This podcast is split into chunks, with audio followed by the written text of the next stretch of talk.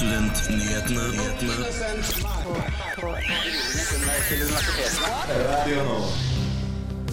Har du lurt på hvor høy omsetning akademika har hatt gjennom pandemien? Har de tjent mer eller mindre? Nytt håp for de som drømmer om å bli lærer. Støre-regjeringen skroter firerkravet i matte til lærerutdanningene. Norske studenter må jobbe over dobbelt så mye som svenske, og vi skal nå snakke om hvordan dette påvirker studentene. Nytt studenthus kommer i hjertet av sentrum. Vi har tatt en prat med Velferdstinget om planleggingsworkshopen denne uken. Hvor kjent er du med sykdommen endometriose? Vi var på Endometrioseforeningens fagdag på lørdag. Hei og hjertelig velkommen til Studentnyhetene og riktig god fredag. Jeg heter Sindre Lundstrøm, og med meg i studio i dag har jeg Vilma Bergseth. Hei. Vi har flere spennende saker for deg i dag, men først skal du få høre ukens nyhetsoppdateringer som kommer nå.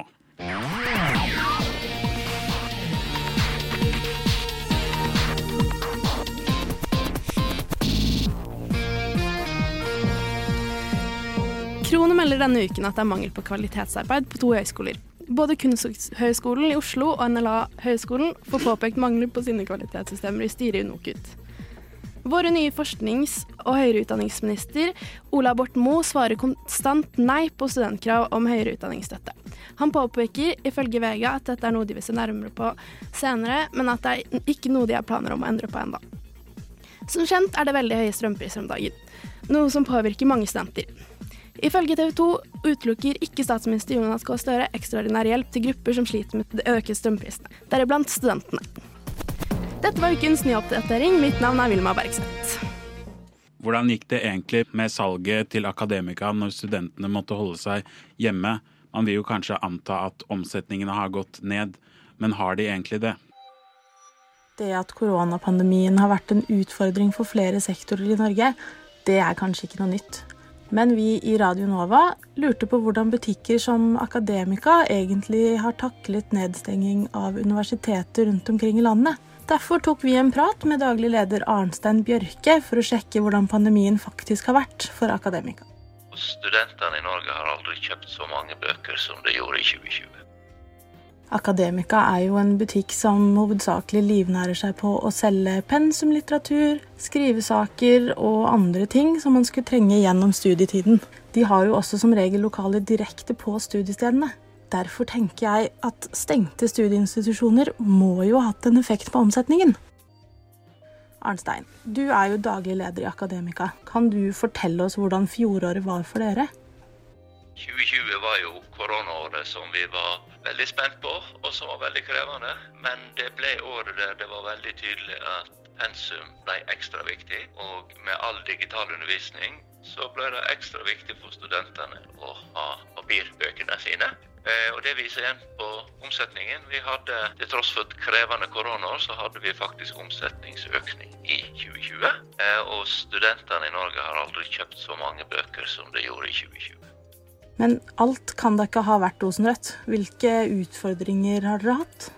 Vi hadde jo en tøff periode i vår med korona stengt, men vi klarte å sørge for at studentene fikk bøker tilsendt, eller de kunne komme og hente bøker. Selv om vi en periode måtte holde døra stengt, så var butikkene våre betjent. Nå som vi nærmer oss slutten på 2021, og Norge endelig har gått litt nærmere normalen, hva kan du si om hvordan året i år har vært? Det går bra i år òg. Studentene kjøper fortsatt like mange papirbøker. Noen få ønsker også digitale utgaver. Det leverer vi også. Og skrivesaker. Både å skrive med og skrive på. Men fortell meg, hva vil det egentlig si? Hvor mye tjener dere f.eks. per bok? Skal vi ta gjennomsnittet, så kan vi si at i 2020 så hadde vi et driftsresultat på 6,7 millioner av 480 millioner i omsetning. Og da er, det, da er vi ca. dit at vi har 1 krone og 30 øre igjen per hundrelapp som man kjøper bøker for. Jeg har hatt en oppfatning om at flere studenter egentlig liker best å ha pensum digitalt. Derfor spurte jeg om dette er noe som har påvirket akademika. Den digitaliseringa har pågått i alle fall 20 år, og mange områder så bruker man i dag mest digitalt. Oppslagsverk f.eks.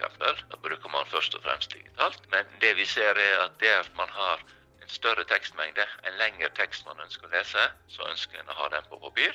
Og det merker vi òg tydelig på en del institusjoner der en del artikler blir gjort tilgjengelig digitalt, men studentene kommer ofte i tillegg i bokhandelen og ønsker å få kjøpt, kjøpt en printa versjon eller et kompendie. Og vi, eh, vi er opptatt av at studentene skal sjøl velge hva som fungerer best i den studiesituasjonen de har, og så skal vi gjøre vårt beste for å serve dem med det de vil ha.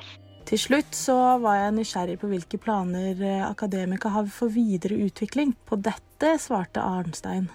Ja, vi er jo en kontinuerlig forbedring og utvikling. Vi må endre oss i takt med at utdanningsinstitusjonene endrer seg. Noen institusjoner har fått nye bygg, andre flytter på seg. Det gjør at uh, vi må endre på butikkstrukturen vår enkelte plasser i landet. Vi følger med på den digitale utviklinga og er opptatt av at vi skal være et naturlig førstevalg, enten man vil ha ei papirbok eller man vil ha ei digital bok. Og også det andre som studentene trenger til sin studiesituasjon. Det virker altså som at Akademika er en av relativt få bedrifter som faktisk har kommet seg ganske godt ut av pandemien. Men om dette gjelder for hele bokbransjen, det kan jeg ikke svare på. Tusen takk til Arnstein Bjørke, daglig leder i Akademika for intervjuet. Sangen du hørte i innslaget var Ketsa med låta Odyssey.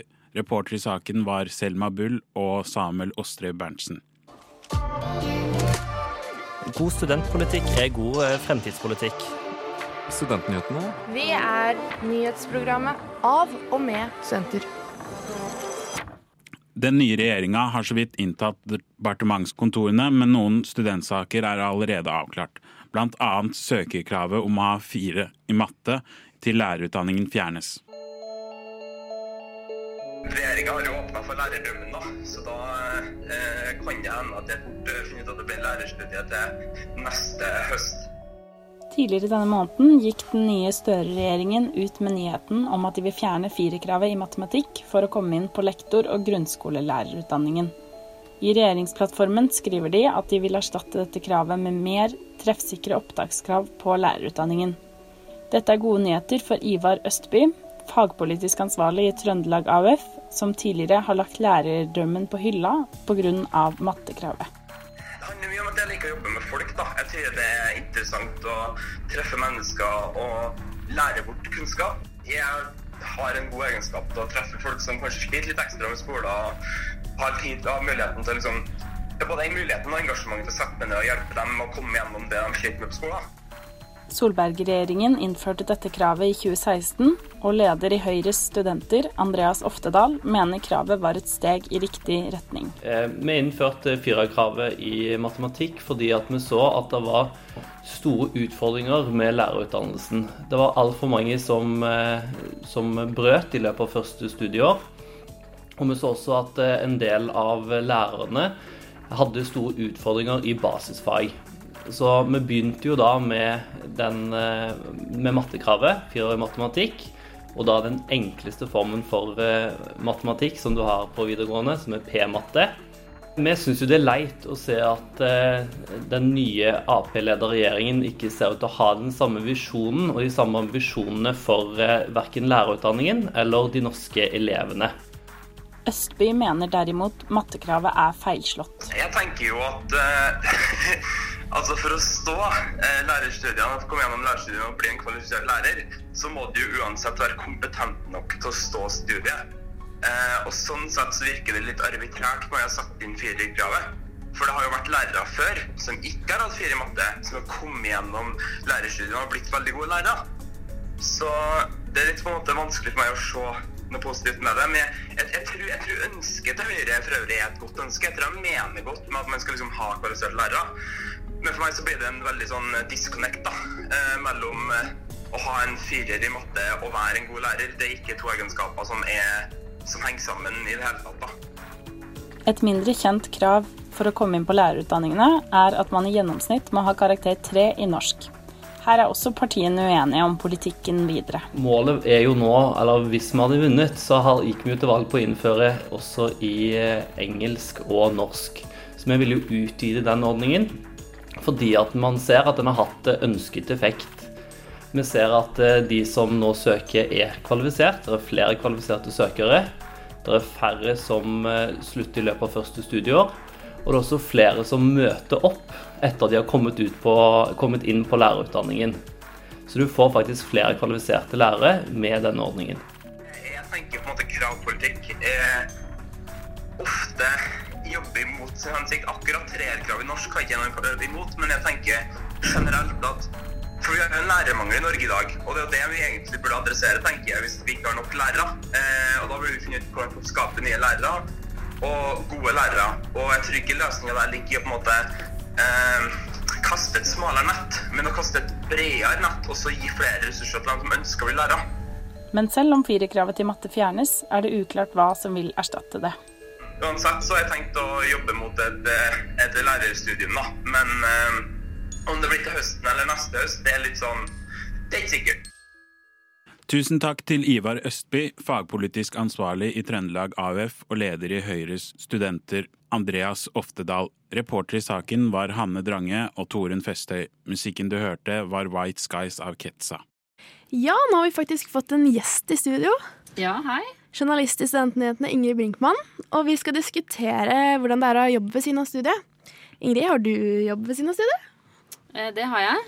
Eh, og jeg prøver å jobbe ganske mye ved siden av studiet. Ja. Er dette, har du liksom relevant jobb, eller eh, jobber du bare for å tjene penger? Det er for å tjene penger. Ja. Um, og det må jo til når vi studerer i Oslo. Og det Mm. Føler vel du også på? Ja, jeg jobber jo på kafé og studerer journalistikk, så det er jo ikke så veldig, har ikke så veldig mye med hverandre å gjøre. Ja, det er jo sånn at eh, vi studenter i Norge jobber faktisk dobbelt så mye som svenskene og danskene, og eh, synes eh, Greier du å prioritere skole foran jobb? Jeg vil si at jeg er dårlig på det, men jeg er så heldig da at jeg har mye tid på jobben min til å lese eh, på skole, eller gjøre skolearbeid. Og det er jo en fordel som ikke veldig mange har. Så jeg føler kanskje at jeg jobber litt i, over gjennomsnittet, men at det ikke går så mye utover eh, skole. Og jeg prøver å møte opp i alle forelesninger i hvert fall, og har det som en prioritering. Men det går jo utover eh, sosialt liv og sånn òg, å jobbe i helgene. Det, ja. Ja, det er jo sånn at man eh, må nesten jobbe for å ha et sosialt liv eh, ved siden av studiene. ja. Det er jo litt slitsomt, og nå som vi faktisk jobber så mye, så vil heller ikke den nye forsknings- og høyere utdanningsministeren øke studentstøtten. Så det er jo litt kjedelig, da. Krever litt jobb ved siden av studiene, og man skulle ønske man slapp, og i hvert fall kunne ha en relevant jobb. Ja. Så ja, jeg syns i hvert fall det er veldig vanskelig å prioritere skole, fordi jeg vil jo ha et sosialt liv ved siden av, og da må man jo jobbe. Ja. Nei, men det spørs jo litt hvordan budsjett, man har òg, da. Sånn hvor Alle som shopper man for 10 000 kroner på nattevakt. Nei, men det er jo mange som klarer eh, å studere uten eh, å ha jobb ved siden av, hvis de studerer i andre byer som er litt mindre. Men for Oslo-studenter så føler jeg jo definitivt at man må ha en jobb. eh, Og at det er vanskelig å få det til å gå rundt da, uten. Er det vanskelig å- Syns du det var vanskelig å skaffe deg en jobb? Nei.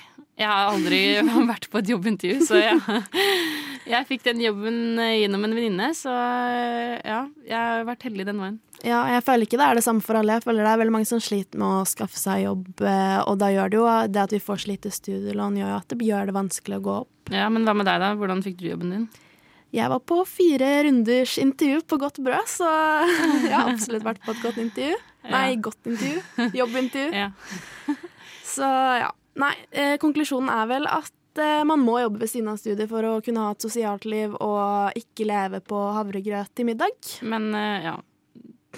Det er liksom sånn igjen prioriteringer, for at eh, jeg føler at selv om jeg jobber mye, så spiser jeg ofte havregrøt til middag. Ja, men man, har ikke, man kan ikke leve på 2000 kroner hvis man f.eks. har 6000 i leie, da. Så er det bare 2000 kroner igjen. Ja. Så vi syns at Borten Moe skal øke studiestøtten, er vel konklusjonen. Jeg er enig i det. Ja. Eh, Reporter i sak var Vilma Bergseth og gjest i studio Ingrid Brinkmann. Nytt studenthus betyr flere lesesaler, kafeer og sosiale møteplasser for studenter, men vil dette konkurrere mot de allerede eksisterende studenthusene i hovedstaden? Bli med til St. Olavs gate 23 og hør om deres fremtidsplaner. Skikkelig, skikkelig bra. Det tror vi jo at det blir. Nå er jeg på vei til St. Olavs gate 73, det fremtidige studenthuset i Oslo sentrum. Bygget ligger en lett ti minutters gåtur fra Nationaltheatret, og gir et veldig karakteristisk bilde til hjørnet. Der møter jeg Marius, som skal snakke om bygget generelt. Jeg er eh, Marius Thorsvold. Jeg er 23 eh, år gammel. Akkurat nå så sitter jeg som nestleder i Velferdstingets arbeidsutvalg. Eh, og i kraft av det så skal jeg lede delprosjekt innhold når det kommer til opprettelsen og rehabiliteringen av SO23 som studenthus. Velferdstinget er Vi er et demokratisk studentorgan. Vi er alle SIO-registrerte studenter sitt øverste demokratiske tillitsvalgte organ for velferdssaker. Videre forteller han det fargerike livet bygget har gitt opphav til gjennom alle tider. Det ble jo kjøpt av SIO nå i juni for uh, nesten 300 millioner kroner. Uh, så det er jo ikke et billig bygg. Uh, og det er jo selve bare kjøpet. Nå må man jo sikre finansiering. Bygget i seg selv er jo egentlig et utrolig fascinerende bygg. Eh, det startet sitt liv som eh, restaurant og kirkelokale. Eh, senere så har det utviklet seg til å bli Jeg mener å huske at det på en gang en tid var turnhall. Senere tider så har det vært dragshows der. Og deler av dette henger fortsatt igjen i byggets utforming. Selv om mye er strippa nå. SO23 blir ikke noe konkurranse mot de andre studenthusene i Oslo. Chateauneuf har vært invitert til å komme med forslag til utbyggingen, og vi håper at de to kan jobbe godt sammen i fremtiden. Marius forteller at studenthuset i sentrum skal tilføye noe ekstra til studentkulturen. Konkurranse ville kun ført til ulemper. Absolutt. Så det viktigste blir jo på mange måter å skape noe som binder Oslo sammen som studentby, og som er et komplementerende tilbud til eh, studentkulturen allerede eksisterende i Oslo. Det er ikke sunt at disse to eh, husene konkurrerer mot hverandre. Derimot så er det mye bedre at Chateau Neuf, som har sin identitet, fortsetter med den og lager det fantastiske tilbudet du gjør. Så kan heller St. Olavs gate 23, når det en dag er oppe og går, komplementere det og fylle ut i dag har det vært workshop i SO23. Dagens workshop handla på mange måter om å tilnærme seg prosjektet fra to forskjellige perspektiver. Uh, som foreningsmenneske og se ok, hvordan skal foreningene forme sine uh, lokaler rundt seg. Hva trenger de, hvilke funksjoner er det som må inn i huset.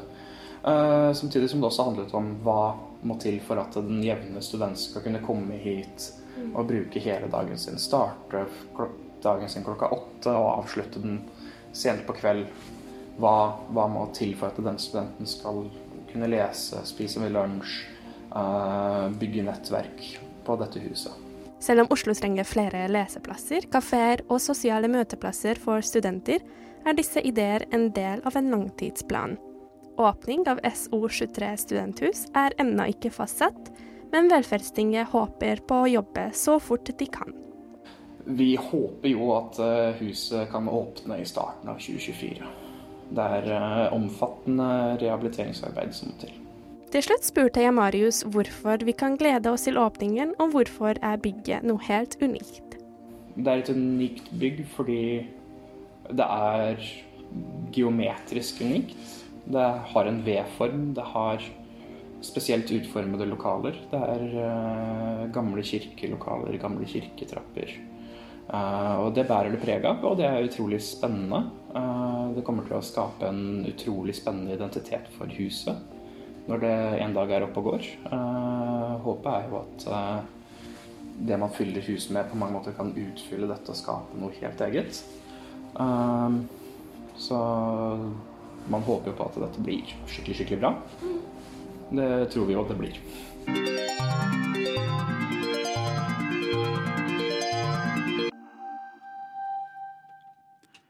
Tusen takk til, eh, for intervjuet til Marius Thorsvold. Eh, vi i Studentnyhetene gleder oss til å se hva huset blir til. Eh, reporter i denne saken var Lilla Horvath. Lyden var klippet og bearbeidet av Lilla Horvath og Magnus Pedersen. Hei, hei, hei, og velkommen til Studentnyhetene. Og velkommen til Studentnyhetene. Til Studentnyhetene. Til denne timen med Studentnyhetene. Til Studentnyhetene. På Radio Nova. Mange kvinner sliter med smerter i magen som kommer av sykdommen endometriose. Dette gjelder spesielt unge kvinner, gjerne i studentalder. Radio Nova var på Endometrioseforeningen sin fagdag for å lære mer om denne sykdommen, og hva man skal gjøre hvis man sliter med smertene. Hallo, alle sammen. Velkommen til Endometrioseforeningens første fysiske fagdag på altfor lenge. Styreleder i Endometrioseforeningen, Elisabeth Råsholm Larby, fikk på lørdag gleden av å ønske velkommen til første fysiske fagdag siden før korona. Det var et fullpakka program som inkluderte bl.a. overleger, konsert og panelsamtale med politikere. Endometrioseforeningen er en landsdekkende forening som består av ulike kvinner i alle aldre fra hele landet. Den ble stifta i 1997 av kvinner med endometriose, adenomyose eller begge. Endometriose er en sykdom flere og flere begynner å kjenne navnet på. Men hva er egentlig endometriose? Det er en tilstand der vev som ligner på livmorhinna, vokser utenfor livmoren. Det er en smertefull, kronisk sykdom som kan gi smerter i hele kroppen, og ikke bare livmora. Ca. én av ti kvinner mellom 15 og 49 år blir påvirka av dette. Dette tallet har ikke blitt oppdatert siden 1997, så det kan godt tenkes at det er enda flere. Overlege Guri Bårdstu Majak er seksjonsleder for gynekologisk avdeling ved Oslo universitetssykehus. Hun var til stede og fortalte hvordan endometriosevevet fungerer, og hvorfor det kan være så smertefullt. Dette er jo ikke livmorslimhinnen. Dette er vev som ligner på den, men det oppfører seg altså helt annerledes. Dette er et så aggressivt kreftlignende vev, uten at det er kreft. Endometriosevevet bruker nemlig østrogen til å vokse, og er et hormonsensitivt vev. Østrogenet gjør at vevet vokser, eh, og progesteronet, som er det andre kvinnelige kjønnshormonet, gjør at det stabiliseres. Dette vevet gjør, for å si det enkelt, alt det kan for å overleve. Altså virkelig alt. Det skaper nye blodårer. Det oppgraderer reseptorene sine for østrogen. Det vil bare ha mer og mer og mer. Noe spesielt med endometriosevevet er òg at det inneholder nerver. Og dette er ikke nerver som var der i utgangspunktet. Dette er nye nerver som endometriosevevet lager. Endometriose er en nevroinflammatorisk tilstand. Og dette er noe av det som forklarer hvorfor man har så innmari vondt. For disse nervene kobles direkte inn til sentralnervesystemet og driver og sender smertesignaler hele tiden. Så når kvinner med endometriose sier de har vondt, er det med god grunn. Ca. 25% av kvinner med underlivssmerter har endometriose. Det tar i gjennomsnitt syv år å få stilt diagnosen i Norge. Noe som gjør at mange kvinner først får vite at de har endometriose midt i studietida. Dessverre finnes det ingen kur for endometriose, men med behandling ønsker man å redusere plagene og øke livskvaliteten. Hvordan sykdommen oppstår, er foreløpig ukjent. Styreleder Larby har tips til hva du bør gjøre om du mistenker at du har endometriose eller adenomyose. Fastlegen er liksom den første du må til. Eh, og fortell om plagene dine. Eh, vær så åpen du kan. Eh, for unge jenter så kan menstruasjon og, og, det kvinnelige underlivet være litt sånn skambelagt å snakke om for mange. Snakk med fastlegen og be gjerne om henvisning. Det kan være lurt å loggføre de dagene du har vondt, sånn at du får en oversikt over hvor mange dager i løpet av en måned du faktisk har vondt, og vis det til fastlegen. I legeutdanningen i Norge blir det bare undervist én time om endometriose. Og det er ikke obligatorisk. Fastleger har enormt mye de skal gjennom, så spesifiser gjerne at du vil bli henvist til en spesialist. Til slutt har Larby en oppfordring når du skal til legen. Eh, ikke gi deg, altså stå på for deg sjøl. Og så føler du at du står fast, så kan man også ta kontakt med Endometrioseforeningen. Vi er her for å hjelpe. Og hvis det da mistenkes at man har endometriose, så får man kanskje først og fremst litt behandling og oppfølging av fastlegen, og så vil man kanskje bli henvist til en gynekolog etter hvert. da. Takk for intervjuet med Elisabeth Råsholm Larby og foredrag av Guri Bårdstu Mai. Musikkinnslaget var Malin Pettersen. Reporter i saken var Tone Olestad. Resten av fredagen skal holde seg relativt grå og kald. Halloweenhelgen derimot skal by på både regn, på både lørdag og søndag. Du kan derfor nyte både godteri og brus inne med en god skrekkfilm. Værmeldingen er hentet fra yr.no.